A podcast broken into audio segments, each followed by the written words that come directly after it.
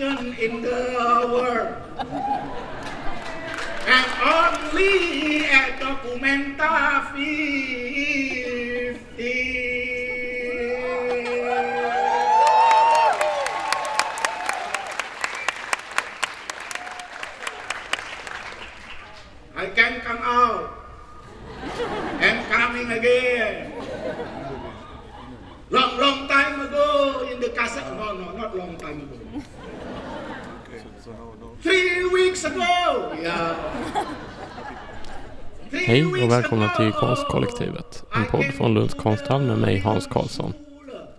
Ljuden du just hörde eh, kom från en presshändelse som invigde Documenta 15. Eh, och det var konstnären August Nur Amal, PMTOH, som eh, iscensatte ett performance med en scenografi som tagits fram i samarbete med skolungdomar i staden Kassel. Det är där Documenta äger rum. Jag var på den här jätteutställningen under de här pressdagarna och sen en vecka senare. Jag tittade på konst och intervju intervjuade en del av deltagarna om deras upplevelser, om hur det var att vara med på den femkvintiennal som Documenta är. För Documenta eh, är alltså en femkvintiennal eftersom det är en utställning som återkommer vart, 15, vart femte år i staden Kassel. Det här avsnittet av konstkollektivet är kan man säga ett slags eh, ljudkollage från Documenta 15. Det är ett försök att skildra den här utställningen i ljud. Ehm, och jag kommer att börja med att berätta lite om vad Documenta är för en slags utställning. Eh, och något om den kuratoriella inramningen för projektet det här året. Sen kommer ni alltså få höra några deltagare i utställningen berätta om vilka de är, eh, vad de visar och om sin upplevelse av att vara på plats i Kassel.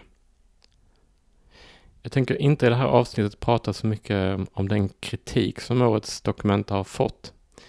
Och det är inte för att det inte är en viktig kritik. Kortfattat så går den här kritiken ut på att en målning av en konstnärsgrupp som heter Taring Paddy innehöll tydliga nidbilder av judar. Detta verk, som snabbt togs ner, har med rätta anklagats för att vara antisemitiskt. Och det fanns även andra verk och aktiviteter i utställningen som har anklagats anklagas för att sprida antisemitism. Det här är ett jättestort ämne som kräver mycket tid. Och för den som är intresserad så utvecklar jag mina tankar um, om, den, om den här kritiken vidare i två artiklar som jag har skrivit. Och de här artiklarna finns att läsa på tidningen Flamman respektive Ord och Bilds hemsidor. Och det kommer finnas länkar till de här två texterna i det här avsnittets programbeskrivning på Lunds konsthalls hemsida kan också vara värt att säga att en del av det material som förekommer i det här avsnittet också kan man säga speglas i text i de här två artiklarna. Men först något då om vad Documenta egentligen är för något. Eh, Documenta måste nog beskrivas som en av världens viktigaste konsthändelser. Vart femte år sedan 1955 äger den rum i staden Tysk Kassel i Tyskland, som geografiskt ligger mitt i Tyskland. Ehm, faktiskt så är det så att de första åren så ägde utställningen rum vart fjärde år, men det, det ändrades sen till vart femte. Ehm, 1977 ändrades det. Det var konstnären Arnold Bode som kom med initiativet att visa den konsten nazisterna förbjudit eller fördömt under sin regim. Den eh, nazistiska kultursynen fördömde nämligen så kallad entartete kunst, på svenska ungefär degenererad konst. Det handlade om konst som inte var naturalistiskt avbildande och som man menade skulle orsaka dekadens, kulturellt och individuellt förfall.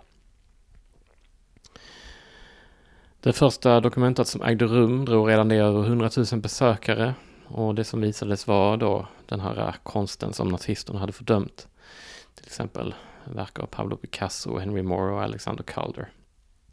Man hade ett lågt pris för utställningen som man såg som ett eh, demokratiprojekt. Efter denna succé fortsatte Documenta sin expansion och intresset för utställningen växte internationellt. Det tredje dokumentet som ägde rum 1964 visar mycket popkonst av konstnärer som Robert Rauschenberg och Andy Warhol. En annan milstolpe i Dokumentas historia var när den legendariska kuratorn Harald Seman kuraterade utställningen 1972. Och då var det en utställning som inkluderade mycket fluxuskonst och storheter som Joseph Beuys. Eh, många ikoniska konsthistoriska händelser har ägt rum på Documenta. Många verk som har gått i konsthistorien har visats där. Eh, en del kanske känner till Josef Beuys kända projekt eh, 7000 ekar i vilket konstnären med hjälp av volontärer planterade 7000 ekar i staden. Varje ek ackompanjerades av en svart basaltsten också. Och på senare tid har storheter som bland annat OKV Weser kuraterat Documenta. Och sedan 1992 har utställningen årligen haft fler än 600 000 besökare per omgång. Documenta 14, alltså det senaste dokumentet som ägde rum för fem år sedan, eh, också i Aten, men eh, eh det ägde rum i både Aten och Kassel. Men bara i Kassel hade man då enligt, och, eh, enligt Wikipedia 891 500 besökare. En dokumentutställning håller på i exakt, exakt 100 dagar. Eh, och så gör det så också i år. Eh, det hela stänger ner den 25 september. Så det finns alltså fortfarande tid kvar för den som vill besöka utställningen.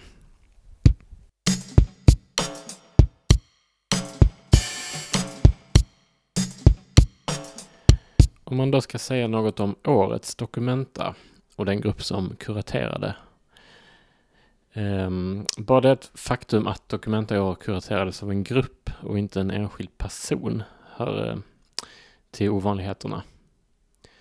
Den grupp som har kuraterat heter Röngrupa. Uh, eh, det är en konstnärsgrupp som startade på Jakarta i Indonesien år 2000. Då hade gruppen sju medlemmar.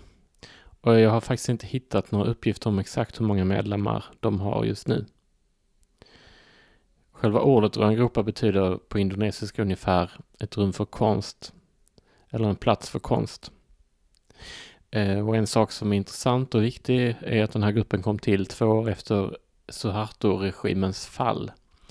Suharto hade med diktatoriska medel styrt landet sedan 1966 och störtades 1998 i ett folkligt uppror.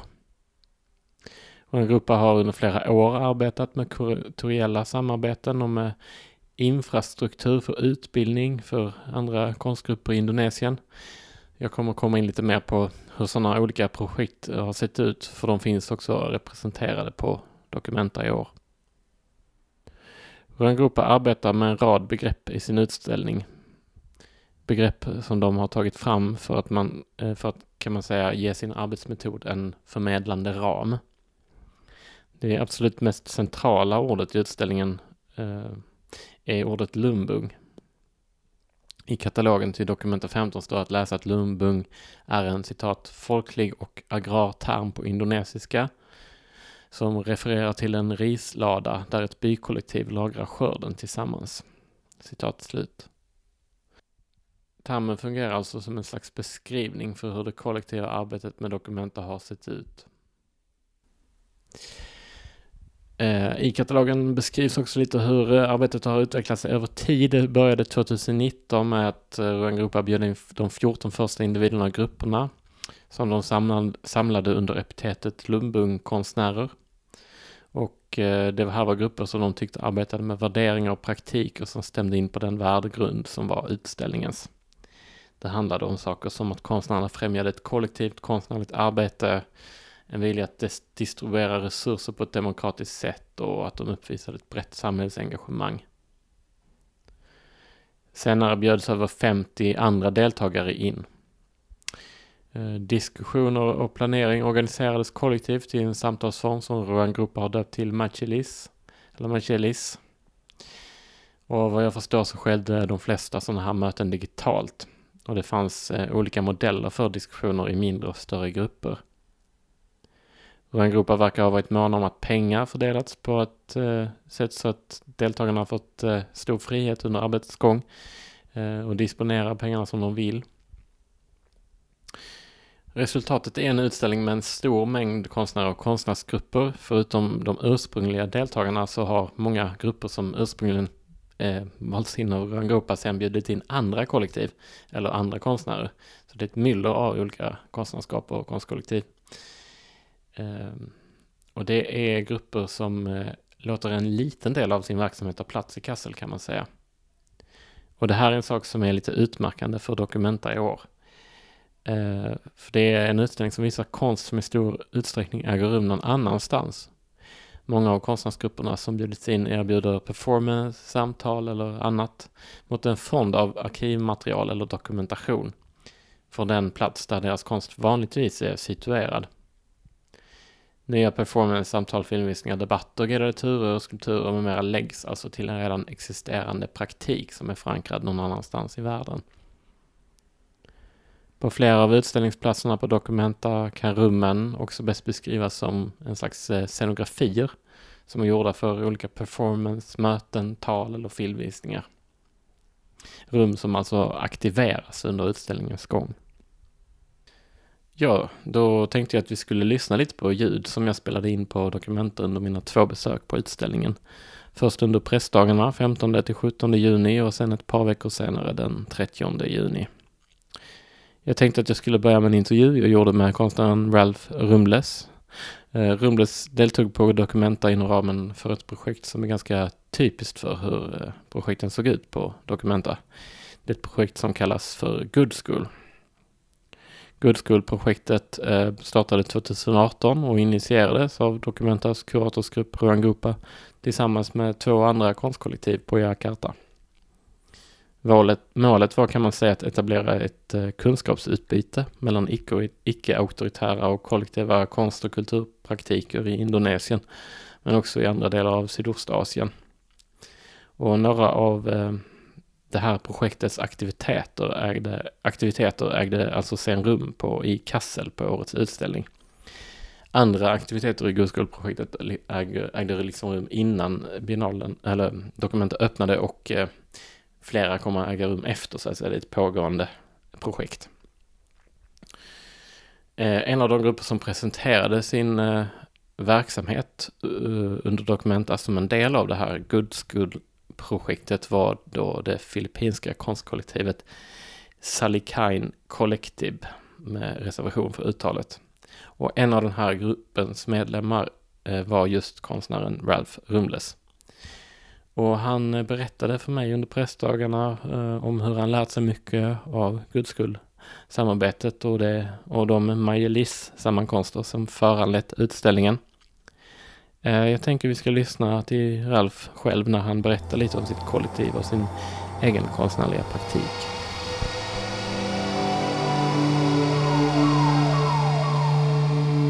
Okay, so maybe we'll start with you telling me your name. Okay. Hi, uh, I'm Ralph. Uh, my full name is Ralph Lumbres. I'm an artist from the Philippines, but currently based in Japan now. Actually, yeah. And um, you're here at Documenta uh, to work with a specific group of yours. Yeah. So uh, we have a collective based in the Philippines called Salikhain Collective.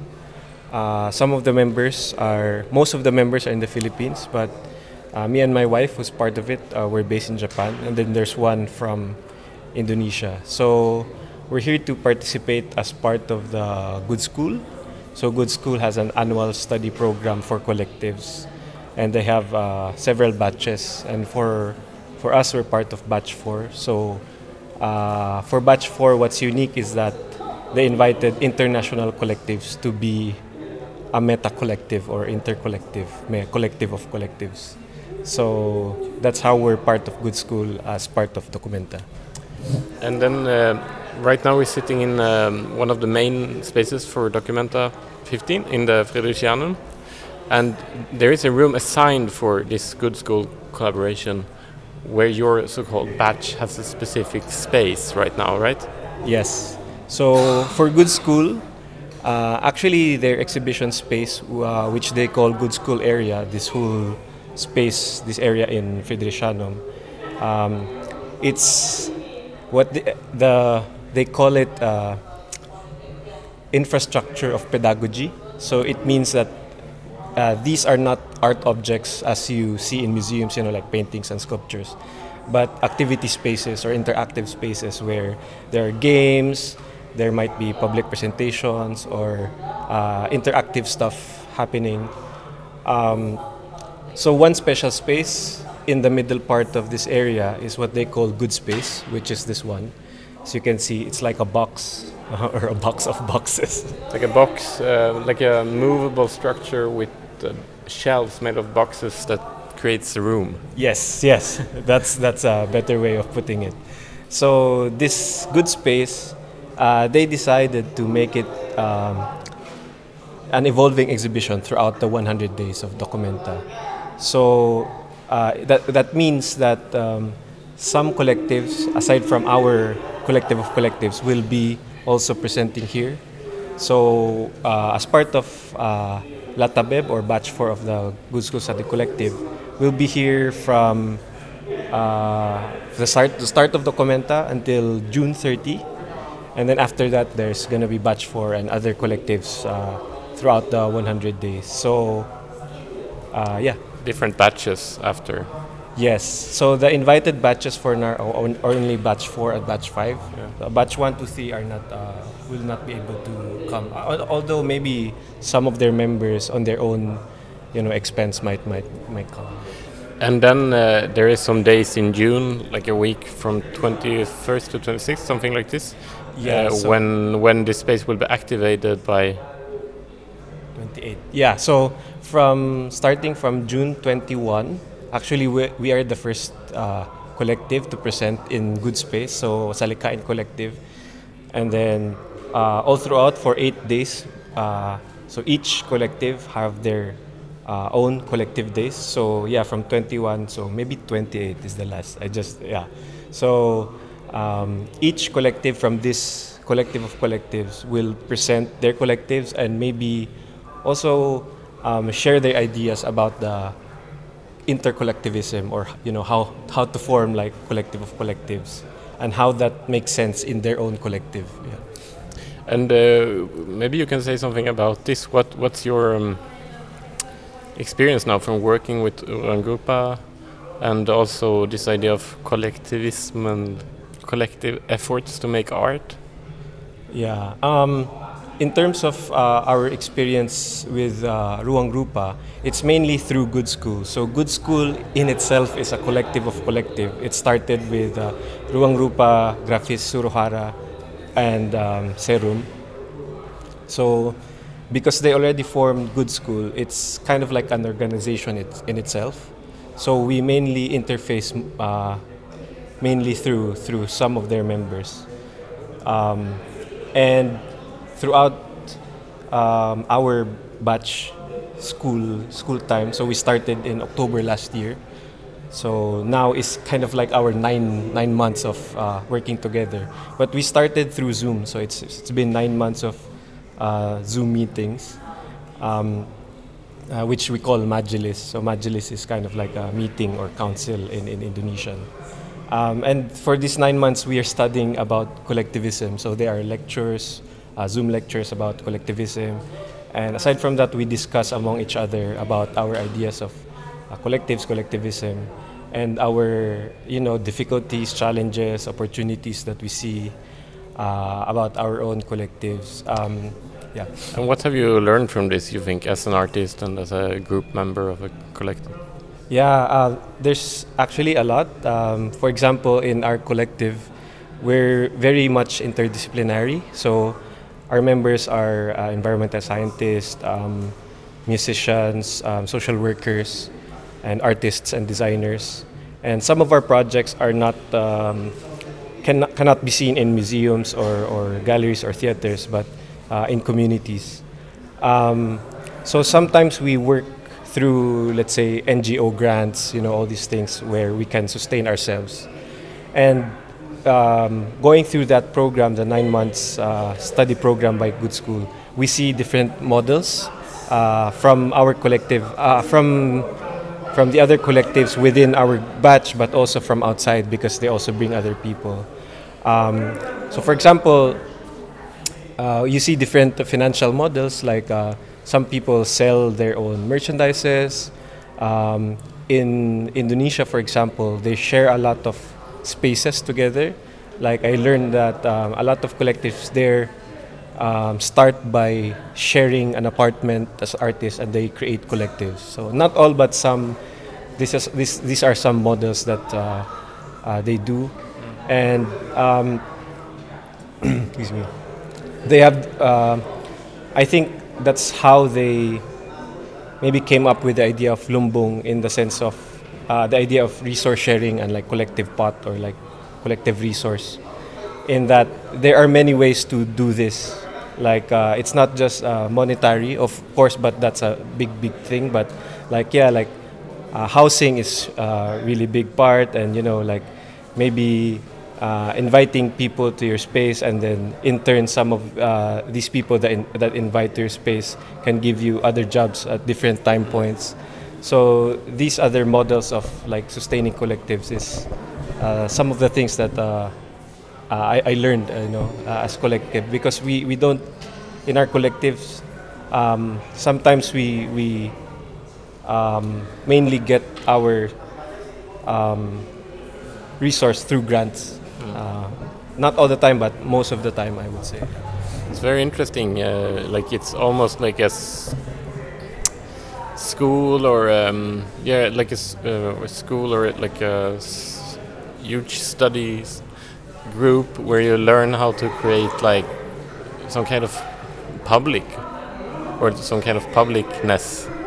yeah, I would say so. Like I think even this exhibition itself that's why it's they decided it to be interactive and have public programs because it's kind of like a school, like an alter, alternative school, really. Like um, um, the idea is to learn about collectivism. I think that's why you know you have games, you have um, other things, and not just um, art objects that that you see. What do you yourself do as an artist? Uh, as an artist, uh, myself, I do participatory artworks. So um, uh, that could mean a lot of things, but I don't have particular medium. So sometimes I work uh, video photography, uh, sculpture, uh, you know, like participatory workshops where sometimes the output are like the collective output of, of, of people. So Sometimes I go through local communities, maybe through residencies or different projects. And some of my work, uh, you know, is blurred with what I work with uh, Salikhain Collective. But in general, um, when I work with Salikhain, yeah, it becomes more interdisciplinary because we have members that are not just artists. You know, sometimes they're, as I mentioned, they're environmental scientists or social workers or designers, but they have also the art side. So so it's really yeah. Do you have an example of a project that you carried out together with the yeah, so we have a project called uh, Ligtaspad. So Ligtaspad is a light-based participatory 3D mapping. So I'm not sure if I can show you, but um, participatory 3D mapping is a geographical practice where you create uh, three-dimensional models of uh, the map of a community, mm. And you can use it for different pur- purpose. But for example, for our purpose, we did it for disaster education. So in the Philippines, um, there's a lot of uh, disasters from natural hazards like storms or earthquakes, etc. And it's really important for communities to, you know, be prepared with these kinds of things. So we kind of integrated art in this uh, practice so we used sculpt- sculptural um, uh, techniques to teach people as also like pedagogi- ped- pedagogical or learning techniques to include in this practice. and of course like you know painting like like art mapping like how you paint or draw the uh, the things in the map is kind of uh, artful and what we also did is include like um, light projections in the 3d maps to add to the layers of information that you can uh, put in this 3d map so And in which way does this become helpful for um, uh, avoiding or like handling a dis- uh, disaster or Yeah, so basically, um, for example, in, in many places in the Philippines, that's let's say um, mountainous. So uh, in these 3D maps, you can see which are like uh, high hazard points, mid to low. So we actually collaborated with uh, geographers in these projects to kind of help us make it also not just so for us our our side it how to make it artful and a good learning experience but we collaborate with scientists to make it also um, uh, useful like practically but would it then be that like this is where you should go if there is an earthquake Yes. Yes. So, so uh, where you and not just like the information of okay, don't go here or like um, maybe uh, yeah. Not aside from those information, it's also for planning. So for the local like smaller government units to kind of plan like okay maybe we can put our evacuation center here or that or maybe we can cannot put like residential areas here. So so those kinds of things um, uh, help the communities. Yeah. How did you present this? Um, so uh, these uh, kinds of artworks that we do actually are for us. The artwork in itself is for the community. So uh, the process i think also is really big part of the artwork. So that uh, facilitation process that presentation process and the output that we did is for the community. So the participants themselves are kind of the audience of these works. So it can be seen in the communities. Uh, but sometimes yeah like we kind of maybe document these things and then we um, share it through uh, you know social media but at the same time uh, i think we yeah there's one exhibition for example in japan that we exhibited this work where you know like maybe you have like you lay out some information with photos and then you have some artifacts that you bring there so people can understand.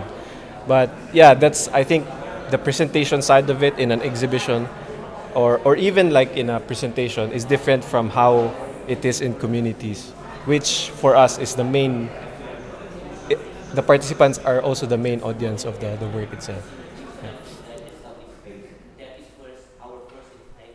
Så ehm, vi hörde Ralph förklara lite i inslaget om hur Good School-projektet ser ut, hur det pågår till olika delar, så kallade batches, varav alltså bara vissa visades i Kassel.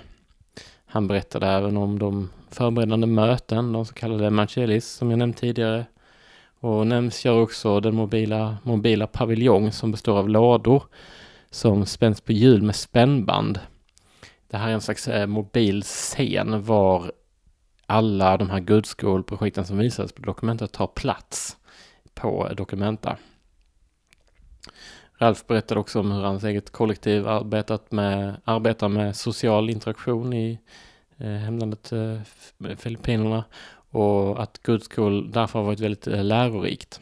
Han berättar om hur gruppen lärt sig använda strategier för delande av resurser som inte bara är monetära utan som också handlar om hur man till exempel kan bo tillsammans för att eh, som grupp få möjlighet att arbeta tillsammans.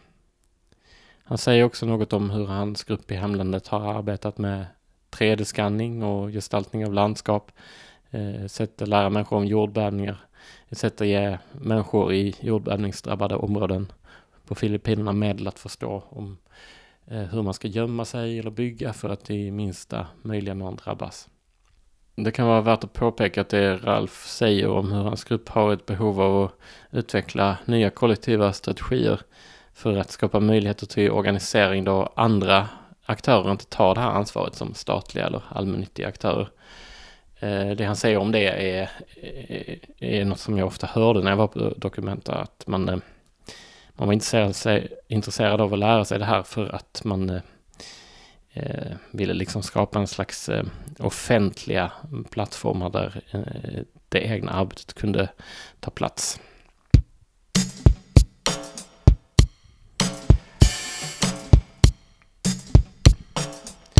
Good School, tog alltså plats i en av de större salarna på den institution som på många sätt är Dokumentas centrum, Fridricianum. Och Fridricianum är faktiskt känd som en av världens första offentliga museer, kanske världens första offentliga museum. Det finns sådana uppgifter. Det öppnade 1779 och en eh, vacker byggnad i centrala Kassel i klassicistisk stil som för många är lite synonym med Documenta.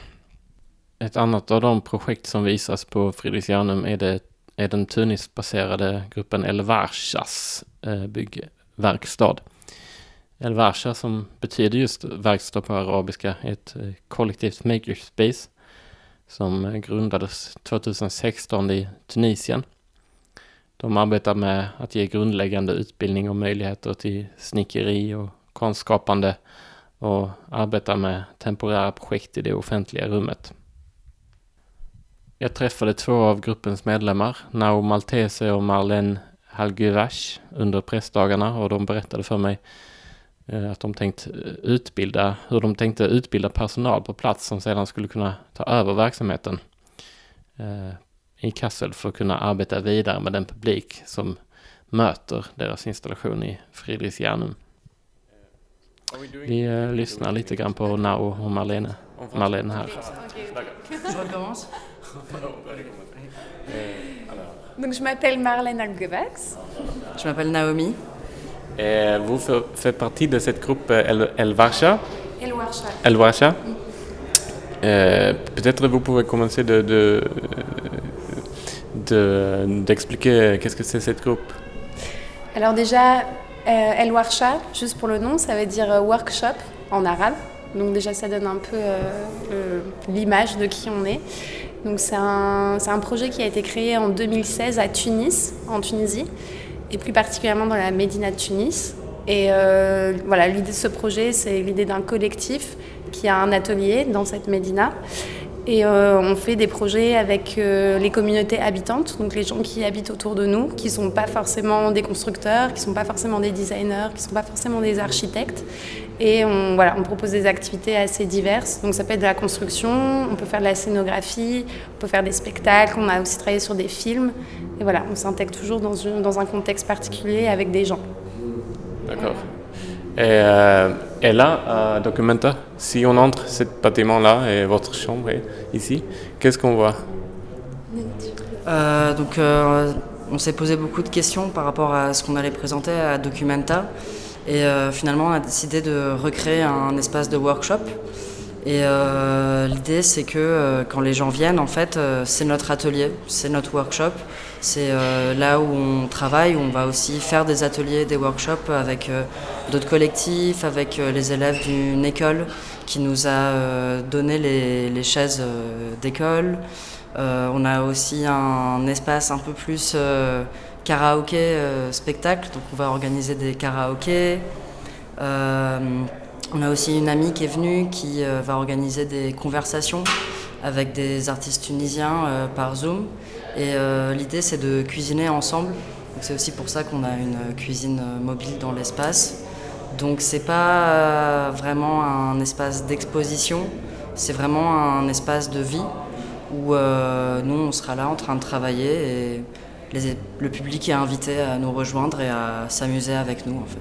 Vous serez là pendant toute, euh, la, toute le biennale quoi? Euh, Nous, on sera là jusqu'au 24 juillet, donc euh, pendant presque 50 jours. quoi. Et après, l'idée, c'est que les médiateurs de la Documenta, donc les Sobat Sobat, et aussi d'autres personnes de Cassel, puissent s'emparer de l'atelier et puissent faire des choses quand nous, on n'est pas là. Donc, puissent utiliser les outils, construire des choses qu'ils ont envie de construire, interagir avec les visiteurs Et c'est notamment pour ça qu'on a travaillé pour la production de notre espace avec un groupe de jeunes de Kassel qui, eux, ont produit toutes les étagères, etc. Et l'idée, c'est que voilà, s'approprient aussi cet espace et quand on n'est pas là, ils continuent à faire vivre l'atelier. Et euh, peut-être vous pouvez dire quelque chose aussi sur la euh, collaboration avec euh, Rouen Groupe. C'était comment Et aussi peut-être cette idée de, de faire un biennale qui est basé sur le travaux plutôt social et collectif comme ça? Si, vous avez des réflexions sur, cette fait-là. Eh ben, nous, déjà, c'est la première fois qu'on fait une exposition. Donc, euh, une première fois, la Documenta, c'est un truc assez énorme. Et euh, je pense que Rouen Groupa nous a vraiment permis de ouais, de un peu théoriser aussi notre travail, de le remettre en perspective en, en discutant avec des personnes d'ailleurs qui ont d'autres manières de fonctionner en termes de collectif. Parce que nous, ça fait six ans qu'on existe et il y a d'autres collectifs qui existent depuis plein d'années, qui ont d'autres modèles économiques, qui font d'autres pratiques, qui ne sont pas forcément sur des choses physiques, qui sont peut-être sur des réflexions, sur la question des archives. Et vraiment, ça, ouais, ça nous a vraiment permis de rentrer en connexion avec tout un monde qu'on connaissait pas tant que ça au final. Parce qu'aussi en Tunisie, il y a très peu de collectifs sur le territoire tunisien qui ont voilà, euh, ça comme pratique du quotidien. Donc c'était une, une, chance incroyable de pouvoir développer ça avec eux et avec leur expertise et leur bienveillance et toute la connaissance qu'ils ont dans le domaine. Quoi. Et euh, ben oui, donc c'est pour ça que je disais qu'on s'est posé beaucoup de questions par rapport à ce qu'on allait montrer dans cet espace, parce que comme Marlène a dit, c'est la première fois qu'on participe à une, exposition euh, institutionnelle, dans un musée, dans des murs blancs, et on s'est demandé euh, est-ce qu'on devrait faire quelque chose de différent, totalement différent, et finalement, euh, je pense aussi qu'avec Juan Grupa, ils nous ont beaucoup aidé à, dans cette idée qu'en en fait, on doit garder notre identité et que euh, c'est pas grave si ça ressemble pas à un musée ou si ça ressemble pas à une expo, mais qu'en fait euh, aussi on doit faire notre, euh, notre truc. Quoi. Ouais, ce qu'on sait faire et qui on est. Ils nous ont laissé vraiment, ils nous ont vivement conseillé de continuer tel qu'on était et de pas faire un, un faux semblant parce que voilà, ils nous avaient demandé de rejoindre l'équipe pour le travail qu'on fait au quotidien en Tunisie.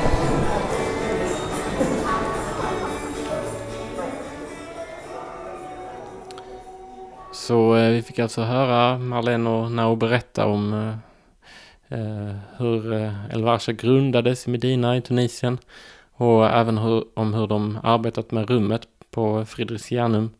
Hur de kombinerat ett litet mobilt kök med dokumentation från verksamheten i hemlandet och de också, hur de också har gjort ett, byggt ett lite mer socialt utrymme för bland annat karaoke Eh, och så säger de något om eh, själva det byggande som pågår i lokalen.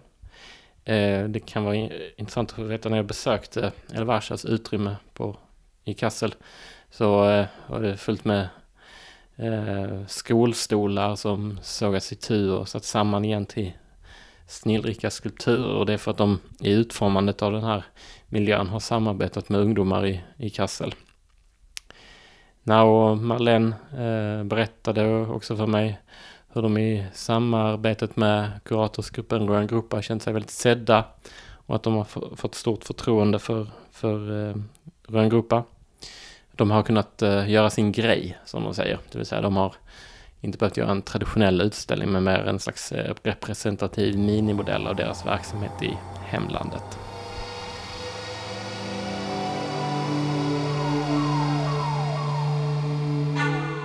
Även på andra håll på Documenta arbetar grupper ehm, eh, likt Elvarsha och Good med projekt som involverar andra och som har en tydlig social och politisk profil. Eh, I en byggnad en bit öster om Kassels centrum, där det förut producerades buss och tågdelar, träffade jag medlemmar i den danska gruppen Trampolinhuset. Trampolinhuset har sedan 00-talet arbetat med frågor om migration och har utmärkt sig för sina samarbeten med papperslösa flyktingar i Köpenhamnsregionen. Trampolinhuset har byggt upp en miljö med bord och stolar för samtal och de har också video med intervjuer med de av gruppens medlemmar som inte kan närvara på Documenta. För när jag pratar med Carlotta Mir och Sara Al-Berani från trampolinhuset så förklarar de för mig att ett problem eller en eh, begränsning för kollektivets närvaro på Documenta är att många av kollektivets medlemmar inte kan lämna Danmark på grund av sina pågående asylprocesser för att de är utvisning, utvisningshotade. We should start this. Yeah, let's go. So let's uh, do it. maybe just start by uh, telling me your names. Yes, my name is Carlotta. I'm Sara and I'm based in uh, Italy, in Rome. And you're both part of the uh, yeah Danish. What would you call it? Cultural center. An NGO. NGO. Community space. Community Space Trampolinhuset. yes. Not very far from Lund. Uh, maybe you can start telling me what Trampolinhuset is and how you work. So it, it has been founded by uh, Tone Olaf Nielsen and Morten Goll and Joachim Mamou uh, mostly 10 years ago as a refugee justice center.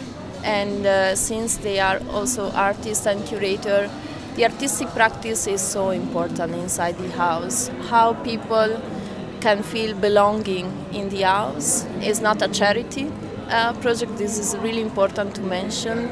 It is based into uh, methodologies and practices and try to find out how the possible ideal asylum system can look like, and it is an antidote to the very violent uh, system that nowadays in Denmark uh, really act with a lot of violence for people seeking asylum. And uh, how is the center organized? Um, like uh, the, the daily work, so to speak. So uh, the house was uh, run on a weekly basis for a long time. Um, so sorry, every day of the week, let's say, for a long time, and then with the pandemic and also like several funding crises, which also have to do with the fact that you know sometimes it's not so easy to fund projects that are caring for rejected asylum seekers. Um, we've had to reduce the infrastructure, and now it's run on a weekend um, basis. It's volunteer run. There are some part-time positions, and um, it's located in the Apostle Church now in Copenhagen, which is a very plural and progressive space um, that the community of Trampoline House was also happy to accept as a new location. And that also means that we are not constricted to having to pay rent every month, which was also the case in the in the larger house that we had first. So there are a lot of activities that take place um, on these two days. There are there is women's club, there, there is children's club, there is democracy class, there are house meetings which are crucial. There are assemblies where every need from you know really material things like the toilets haven't been cleaned or whatever is going on in a camp that needs to be talked about to maybe more transcendental subjects or questions that people want to discuss. Um, are being brought to this circle and are being discussed in a way that is also caring and um, that pays attention to the way in which it's done. So, for example, we have a house stick, and everyone who wants to make an intervention, we make a collaborative also agenda. Um, when that is established and approved by everyone, everyone can have uh, three minutes to say and talk. So this is also a way to ensure that people who usually are not maybe comfortable with taking up space can, and vice versa.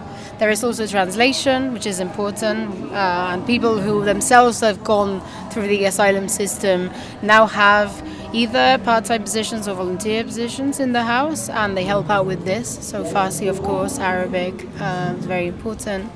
The, the house is also the language of the house is English, which is important to say. One of, of course, Danish is present, but we speak trampoline house English, which is, uh, in other words, is English that is not academic. It's accessible English, and it's uh, it's from the camps. So it's, this is important too. It comes from the people in the camps. It's a it's a way to to to say whatever we need to say in a way that can be accessible for everyone, and uh, and it really works. You know, course, with everyday things, but also things like doing a joint reading of a text on Camp Life. There was a famous reading in the old house on a text by Agamben, What is a Camp? Um, and it was collectively decoded, let's say, in Trampoline House English. Uh, so it's, it's about just making this accessible. And uh, here at Documenta, what do you present? So um, what you see inside this circle uh, that really represent the house is a tentative to translate the atmosphere of the house uh, into an exhibitional space. And this has been really challenging for us, uh, thinking about that for the, the last two years. And what we have tried to do is to represent the house here. Unfortunately, the people are not here because they don't have the permit to travel. So there is only a few representation of members of Trampoline House, specifically uh, people with European citizenship. so this is why um, portraits, videos, interview, witness uh, that you can see there, there are a lot of videos of people speaking about their own condition that cannot be here. There will be also uh, streaming about the house meeting uh, inside the house.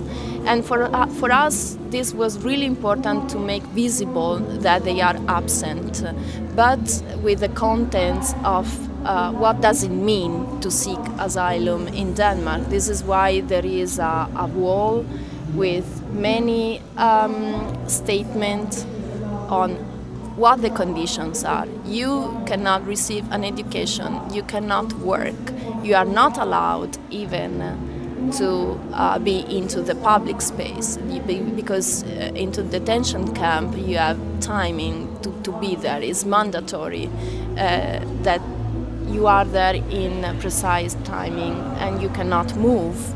You cannot pay the ticket for the bus because camp are really far away from the very center of Copenhagen. Yeah. Thank you very much.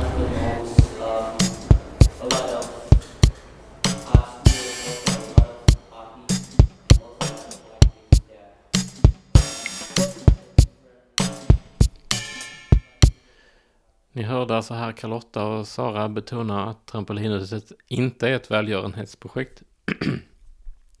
Det man vill eh, är att presentera ett alternativt system för omhändertagande av flyktingar och papperslösa. Carlotta och Sara pratar också om hur Trampolinhuset överlevt olika finansieringskriser och hur de nu är lokaliserade i Apostelkirken i Köpenhamn. Carlotta nämnde också hur språket är viktigt, hur man eftersträvar en lätt begriplig, begriplig engelska i kommunikation med deltagarna. Så det var allt som konstkollektivet hade att erbjuda den här gången. Tusen tack för att ni har lyssnat och på återhörande.